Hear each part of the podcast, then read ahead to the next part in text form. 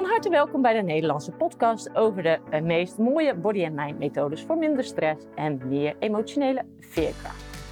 Mijn naam is Lisette Bakker en in deze podcastserie maak je kennis met diverse methodes. Mijn gast van vandaag is Karin Mann en zij is al meer dan 23 jaar autonoom, heeft een eigen praktijk. En daarnaast is zij docent bij het Atma Instituut. Welkom Karin. Dankjewel, Lisette. Um, laat ik maar beginnen met de vraag: wat maakt haptonomie voor jou zo bijzonder? Ja, ik denk dat voor veel coaches en therapeuten geldt dat het, het, het vak zoals ze het uitoefenen, dat het juist die vorm het zo bijzonder maakt, omdat je ooit in een eigen proces daar ten diepste in geraakt bent geweest geworden. Uh, en dat je toen hebt gevoeld van, oh, hier gaat het om. En voor mij was dat ooit haptotherapie toen ik 23 was. En ja. uh, merkte dat het allemaal niet simpel was, uh, het proces. Maar dat ja, die richting en die sturing die ik via haptotherapie kreeg, dat dat de weg naar verandering was zoals ik hem ook voelde dat hij moest zijn. Ja, ja. en kun je voor de mensen die luisteren, die nog nooit van haptonomie hebben gehoord. Iets kort vertellen over wat het is? Um, wat haptotherapie heel sterk doet, is dat het allerlei thema's waar mensen mee worstelen, hè, bewust of onbewust, dat het die probeert uh, te vertalen naar een gevoelservaring. Dus uh, als je, je, je weet misschien best dat je het moeilijk vindt om je grenzen aan te geven, nou, dan zal een haptotherapeut met jou bezig zijn, niet alleen om het daarover te hebben en je misschien uh, nog te vertellen van dat je dat toch, toch echt wel mag doen. Mm -hmm. Maar dat wist je zelf ook al. Ja. Uh, uh, maar die zal je ondersteunen om, ja, om door beter te leren en te kunnen luisteren naar de signalen van je lichaam, om echt naar verandering te kunnen komen. Haptotherapie probeert altijd om de dingen voelbaar en tastbaar voor jezelf te maken. Ja. En als je dat meer hebt ten opzichte van dat je het ook al wel weet, want mensen weten vaak al wel hoe de dingen in elkaar zitten, ja. Ja, dan, dan kun je makkelijker naar verandering komen. Ja, en is het dan zo dat je uh, bij haptonomie hoor je vaak het uh, voorbeeld, dan moet je op uh, de tafel liggen en dan moet je eventueel kleding uit. Is dat ook daadwerkelijk zo of is dat helemaal niet ter ja, in mijn praktijk gebeurt hetzelfde dat iemand in zijn ondergoed ligt. Er kan een heel enkele keer wel eens een aanleiding zijn waardoor we beide denken dat dat het beste is. Mm -hmm. uh, in het algemeen werk ik niet zo. Nee. Uh, dus het hangt ook een beetje van de therapeut of de coach af. Ja. Uh, of die daar meerwaarde in ziet. Ja. voor mij persoonlijk werkt het net zo goed wanneer iemand in zijn kleding op de massagetafel ligt. Ja. Het criterium is niet het ondergoed, hè, al of niet in je ondergoed. Het criterium is dat iemand op die manier op die tafel kan liggen en ook aanraking kan toestaan, waardoor die dieper in contact met zichzelf kan komen. Ja.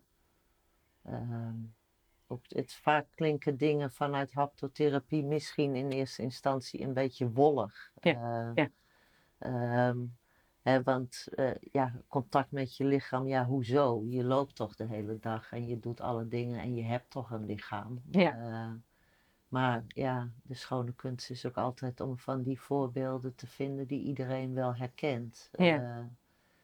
En zo zeg ik in mijn praktijk wel eens, of, of wanneer ik iets probeer. De, de gemiddelde gestreste manager weet dat hij stress heeft. Mm-hmm. Misschien neemt hij ook nog wel waar dat zijn ademhaling wat hoog zit. Uh, en probeert dat dan bij momenten op wilskracht toch weer rustiger te ja. krijgen. Maar hij weet niet meer goed hoe hij kan ontspannen. Nee. De gemiddelde gestreste manager zou je kunnen zeggen, die is niet, die is niet gegrond. Die is de verbinding kwijt met de grond onder zijn voeten. Dus hij is maar steeds, hij jaagt zichzelf aan. Ja als de gemiddelde gestreste manager op zijn werk van A naar B gaat, dan is hij onderweg bezig met wat hij op B gaat doen. Ja. In plaats van dat hij gewoon even loopt te lopen. Ja. Eh, ehm, dus haptotherapie, hè, bewustwording is één, maar dat de gestreste manager naar een modus kan komen dat hij als hij van A naar B gaat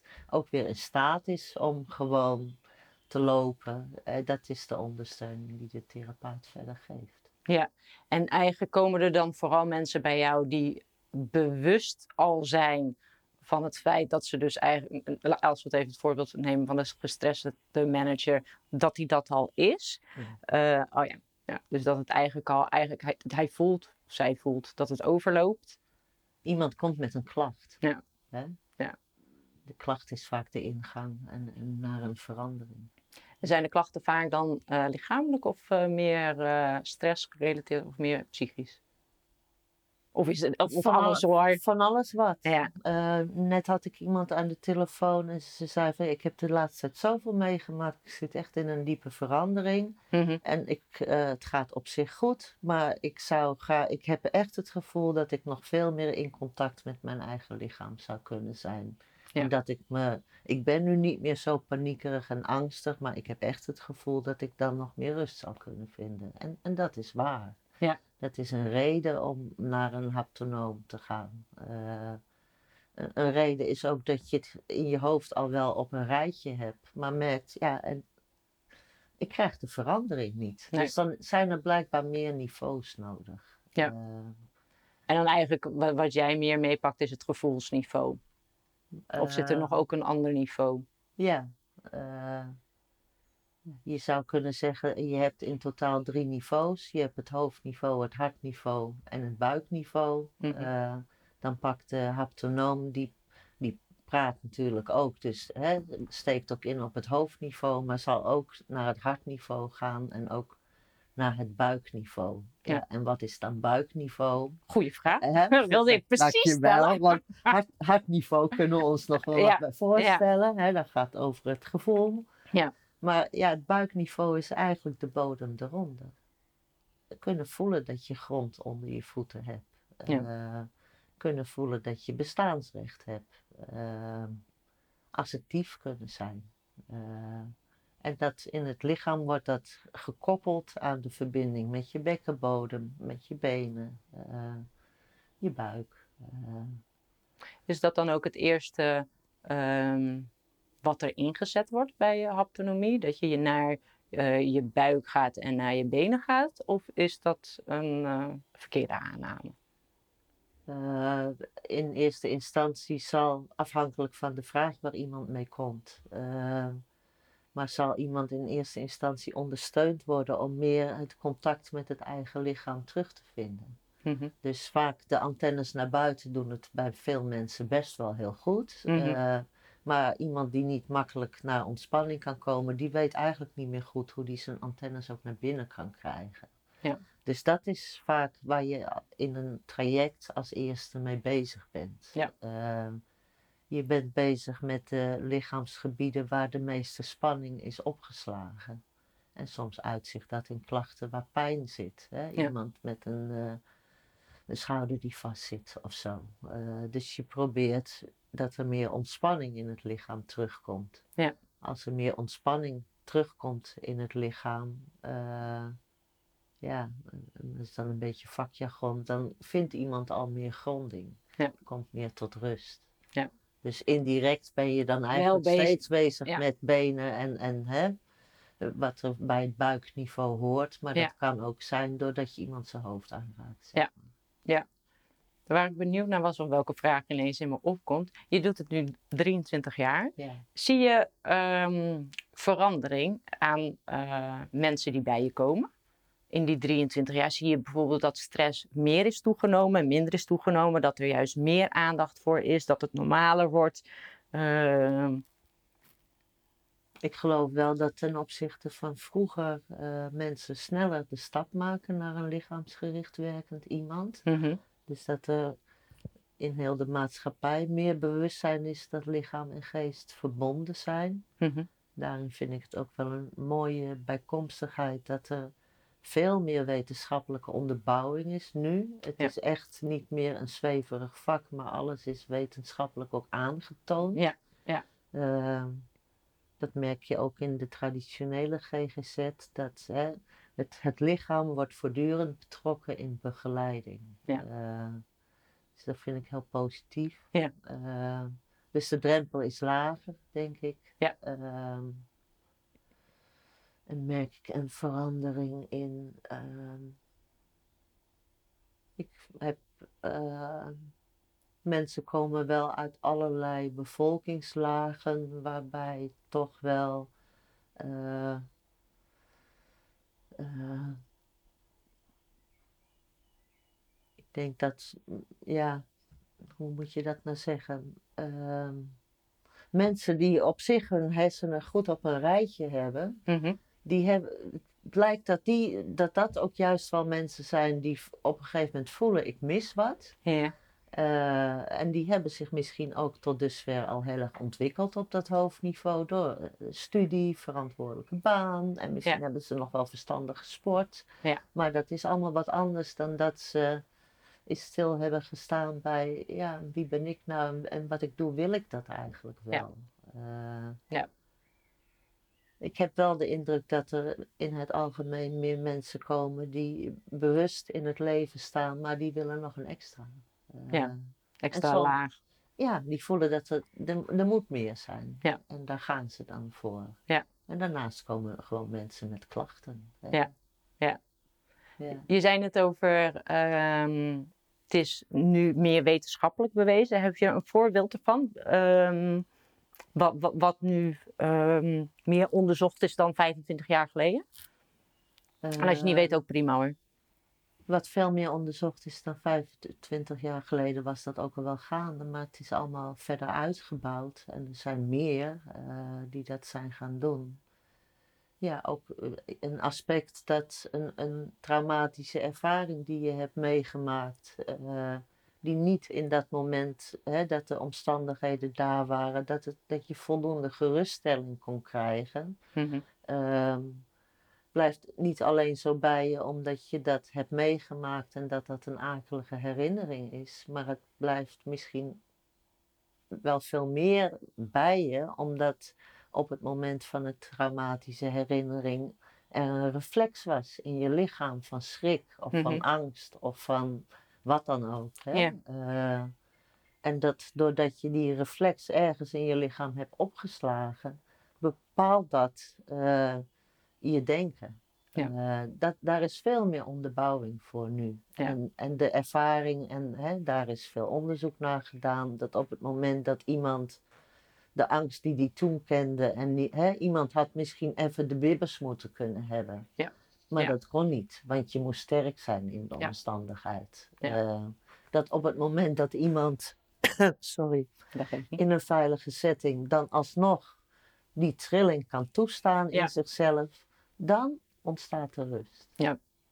Ja, dat is eigenlijk wat ik eh, in de andere podcast over TRE eigenlijk. Ja, die maar diezelfde principes zijn soort van oerprincipes. Ja, Hè? Die ja. je via TRE kan benaderen, maar ook via ademtherapie. Ja. Of via haptonomie.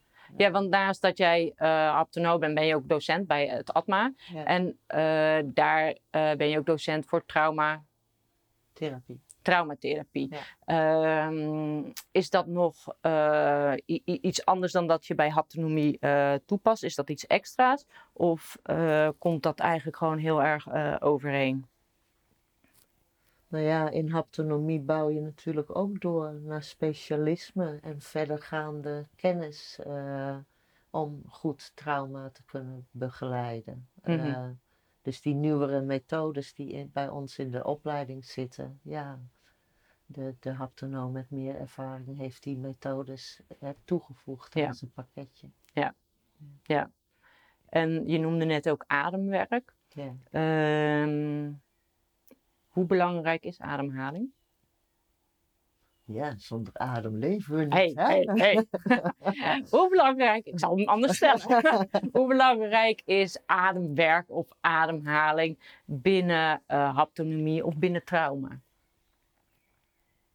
Ja, het is een van de ingangen om, om naar goede traumaverwerking te kunnen komen. Of om Mhm. stress te kunnen ontladen. eh, of om naar verandering te kunnen komen. Maar dit is een algemeen antwoord op wat jij bedoelt. Nee, maakt, dat maakt niet uit. Eh, Ondertussen komt er een specifiekere vraag eh, omhoog. Ehm, als je het over ademwerk hebt, en jij noemde net eigenlijk eh, aan het begin even van eh, mensen zijn gestrest en mensen gaan op wilskracht, gaan ze dan eigenlijk eh, hun, hun best doen om bijvoorbeeld naar hun buik te ademen. Ja. Ehm, maar dat is niet hetgene waar, waarvan volgens mij jij bedoelt dat dat werkend is. Nee, dat, het zou vanzelf moeten gaan. Ja, En dat probeer je te bewerkstelligen. En dat bewerkstellig je door ook wel naar de oorsprong van hè, de stressreactie van iemand te gaan. En dat kan een trauma zijn. Ja. Op het moment dat daar ontlading kan komen, dan zal iemand niet meer zijn best hoeven te doen om in contact met zijn lichaam te zijn. Maar dan is een ademhaling ook rustiger. Het zit allemaal aan elkaar vast. Ja. hè. Ja, wat- nee, het is meer waar, waarom ik het vraag, omdat ik eh, nou ja, regelmatig ook mensen spreek die ehm, het van uit hun hoofd willen doen. Ja, maar ik doe nu toch een goede ademhaling. Ik adem toch naar mijn buik, maar dat dat vervolgens niet voor hun het desgewenste of het gewenste effect Nee. oplevert. Nee. Eh, en eigenlijk hoor ik jou daarbij meer zeggen, ja oké, maar het gaat ook, ook over het hele lijf en of er ontspanning is. Ja, en dat er een niveau is. Het is heel belangrijk dat we onze wilskracht hebben. Want sommige mensen komen bij ons omdat ze dat juist meer willen ontwikkelen. Hè? Ja. Maar er zijn ook mensen die hebben dat eigenlijk te veel. Ja. Maar die weten niet goed hoe ze kunnen ontspannen. Ja. Dus dan is het maar net wat voor karaktertype in je praktijk komt. En, en wat de beste ondersteuning is voor die persoon. Ja. De ander zal je juist willen leren activeren. Activeren, En ja. dat hij meer zich krachtig gaat voelen. En misschien, hè, om de koppeling naar adem te maken, dat hij steviger leert inademen. Ja. Eh, ten opzichte van een ander die, die je ondersteunt om meer te ontspannen en te verzachten. En eens een keer niet vooraan op de barricades te staan. eh, Ja. En te leren ontspannen in zijn uitademing. En, en misschien om eens hè, emotie toe te staan. Als jij ehm, de luisteraar zou adviseren ehm, om meer te leren ontspannen, wat zou, de- wat zou jij ze voor een oefening voor thuis meegeven? Dus ze komen niet bij je in de praktijk, maar het is gewoon, eh, ze zijn thuis of op hun werk. Wat zou je tegen hen zeggen van nou, eh, probeer dit eens. Ehm, dan zou ik zeggen, begin eens met de woordjes hè, hè. Omdat die twee woordjes heel banaal zijn en een beetje grappig, maar dat geeft al een ontspanning. Maar Ja. wat het in het lichaam doet, is dat het je laat terugzakken naar meer dat buikniveau. Eh, dan kom je weer makkelijker in je ontspanning en van daaruit hè, kun je, ga je de dingen weer doen. Eh, een ander niveau als iemand hè, een, een, in het moment oplossing kan zijn dat je een, een tip van ga, ga een, eh, trek je even terug. Ja. Stap even uit de situatie en ga misschien even op de wc zitten. Eh, omdat je je daarmee me- weer kan hernemen. Eh, eh, op de wc lijkt het volgende me wat minder praktisch. Maar in de, stel je zit in de auto en je moet iets spannends gaan doen. Mhm. Hè, en je constateert dat je adem wat omhoog gaat. En ook gewoon dat je alleen maar denkt van oeh, zou dit wel goed gaan? Ja, ga dan even op je beide handen zitten. Leg je beide handen. in de de- auto is niet slim als je rijdt, maar... Nee, maar als je op de parkeerplaats staat. Oké, oké. Nee, heel goed. Heel goed. Nee, anders- komt het niet goed met de stress. En dat is ook niet zo verstandig. Oké, nee, heel Maar- duidelijk, duidelijk verschil. Op de parkeerplaats. Je legt je handen onder je eigen billen. Ja. En eh, je blijft een, een, een minuut of twee zo zitten. Ja. Want dan vind je letterlijk en figuurlijk weer wat bodem. Ja. Eh, vind je het nog steeds spannend hoor. Het is geen wondermiddel, maar het wordt net iets rustiger. Heb je misschien een voorbeeld ehm, van een klant waarvan jij ehm, een verandering ziet die komt of die mede is geïnitieerd door haptonomie? En als je het niet wil, als je geen klantverhaal wil delen, is ook goed natuurlijk. Ehm, maar iets waarvan je denkt, oh wat tof. Of dat vind ik nou een mooi verhaal van eh, diegene toen hij hier kwam en toen hij uh, nou ja, na zoveel sessies weer wegging. ik heb wel een, een verhaal. Het gaat over een persoon, een vrouw met een best wel verantwoordelijke functie. Mm Thuis heeft ze ook nog een, paar kinderen, waaronder een tweeling. Allemaal mm. nog in de kleuterleeftijd. Ja sterke vrouw, ook een vrouw uh, op zich met plezier in het leven, maar ze kan niet goed meer ontspannen. Mm -hmm. uh, ook iemand met een grote sociale betrokkenheid. voor haar is het, het is ook een hele intelligente vrouw. Mm -hmm. dus dat doet het allemaal goed. Ja. Um, ze merkt wel dat ze de laatste tijd, uh, ze, het, de, ze gaat haar levensvreugde wordt wat minder. De, Het woord verplichting en moeten komt wat te veel voor. Ja. Um, zij, uh, dus bij haar gaat het, waar we nu eigenlijk mee bezig zijn, is met bewustwording van signalen die je hebt. hè, mhm. die je voelt in je lichaam. Uh, nou, zij constateerde vooral veel onrust. Ja. Uh, zij constateerde toen we ermee aan de slag gingen dat wanneer zij op de massagetafel lag en ik, zij lag op haar buik, ik mocht een hand op haar rug leggen. Zij constateerde dat ze mijn hand veel makkelijker kon voelen dan dat ze haar eigen rug kon voelen. Ja. Uh, dus hè, daarom kon zij koppelen dat haar antennes naar buiten het heel goed doen, ja. Maar dat ze ja, zichzelf niet zo goed kon voelen. Ja. Um, uh, ik heb haar toen als tip, hè, daar zijn we vervolgens in de sessie mee bezig geweest. Ik heb haar als tip meegegeven eh, om in de dingen van het leven af en toe stil te staan, in contact bij, voel ik mijn eigen rug ook nog? Ja. En uh, ja, dat brengt een bepaald proces op gang. Want je zou kunnen zeggen, je, het contact met je eigen rug, dan voel je een stukje van jezelf. Ja. Nou, zij constateerde hoe weinig ze eigenlijk überhaupt leunde. Ja. Uh, ze had ook een hele goede confrontatie van een assistente van haar. Die, uh, zij werken ook met mensen. En mensen, die assistente heeft een heel ander karakter als zij zelf heeft. Uh, namelijk dat die assistente, zei ze dan steeds tegen de cliënt: Doe eens even dit, doe eens oh even dat, doe eens even zus. Ja. En die bleef rustig zitten. Terwijl de uh, cliënt die bij mij komt, constateerde van nee, zij paste zich voortdurend aan. Zodat iedereen zich heel prettig uh, en ondersteund voelde, maar zij was gesloopt aan het eind van de dag. Dus um, ja, dit als het, ja. het door een stukje lichaamsbewustzijn erbij te nemen, kunnen komen naar een verandering. Nee, ik vind, het mooi, ik, vind het mooi, nee ik vind het mooi klinken. En vooral eigenlijk um, een soort de eenvoud. Ja. De eenvoud van, oké, een hand op je rug. Uh, wat voel je meer, wat voel je minder? Ja.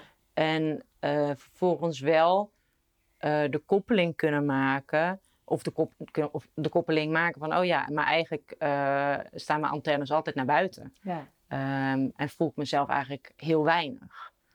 Het is wel ook zo dat doordat haar antennes meer naar binnen komen te staan nu, mhm. komt ze toe aan uh, ja, stukjes verdriet voelen over dingen waar ze eerst niet aan toe kwam. Dus dat, hè, en het, dat dat ook gebeurt is natuurlijk nooit leuk, maar het goede daarvan is als ook die emotionele erkenning daar is, dan hoeft ze er niet meer op te letten de hele tijd of ze nou de rug nog tegen de leuning voelt. Ja. Uh, want dan ben je meer, hè, heb je een stukje verwerking gedaan waardoor je meer in contact met jezelf komt. Ja. Leuk. Maar de een kiest alleen voor het eerste deel van het spoor en een ander voelt dat dit nog een goede toevoeging is. Ja. Of doet dat misschien een aantal jaren later nog eens. Ja. Alles kan. Hè? Ja, het is in ieder geval, wat ik vooral hoor, is je wordt je veel meer bewust. Als, sowieso als je in, um, antennes naar binnen gaat, je wordt je meer bewust van je lijf. Nou, in dit geval was het dan even de rug, maar ook van uh, gevoelens en emoties die er zitten. Dingen die je hebt opgeslagen door het leven. Ja. Ja, en dat is eigenlijk als ik dan eh, weer, weer terug ga naar de koppeling met trauma, wat je zei. Niet dat het per se trauma hoeft te zijn hoor, maar eh, waar het eh, vandaan kan komen. Ja. Ehm, en wat toen eigenlijk in het lijf is opgeslagen. Ja. En ehm, wat kans heeft om bij jou of ergens anders bij lichaamsgerichte therapie eruit kan komen, wa- waardoor het je niet meer belast. Ja. ja. Mooi. Ja. Heb jij nog dingen waarvan je denkt, hé, hey, dat eh, hebben we nog helemaal niet benoemd eh, over haptonomie, wat ik nog wel eh, heel graag wil zeggen? Alvast. Nee. nou, dan wachten we even. Dan wachten we even. Ja. Nou, het is al wel ook ter sprake gekomen, maar haptonomie, ja, de, de, ehm, veel kan zich vertalen in, hè, de, waardoor iemand ook, waardoor je iemand vraagt, kom maar op een massagetafel liggen. Mhm. Want aanraking is dan een manier zodat iemand meer contact met het lichaam kan krijgen en meer kan voelen wat daar nou eigenlijk allemaal in opgeslagen ligt. Mhm. Maar haptonomie is ook wel allerlei dingen vertalen naar lichaamsgerichte ervaringen. Eh, dus ehm, het betekent niet alleen maar ga maar liggen en Nee. hè, op die manier gaan we Nee. werken. Nee. Maar het is ook wel hoe beweeg je nou door een ruimte? Hoe neem je ruimte in? Ja. Eh, bepaalde ervaringsoefeningen aanreiken. Bijvoorbeeld in het we- kunnen gaan voelen waar nou grenzen liggen. Ja. En hoe je dat eigenlijk voelt in het lichaam. Ja. Dus het is en en. Dat, eh, Ja, het kan en op de bank en het kan Ja. in de ruimte zijn. En het kan, eh, in ieder geval met mijn ervaring wat ik heb, kan het zelfs zijn dat je gewoon alle twee zit. Eh, en dat de vragen vooral gaan over wat je voelt. Ja. En dan hoef je helemaal nog niet ergens ja. eh, te liggen of te bewegen. Ehm, maar dan is het zelf met je interne aandacht naar binnen gaan. Ja. Mooi, Heel mooi. dankjewel. En eh, voor de luisteraars, eh, wil je meerdere podcasts horen, eh, kan je op de website kijken bij lisette.nl. En daar vind je nog meer andere body- en mind methodes. Tot ziens!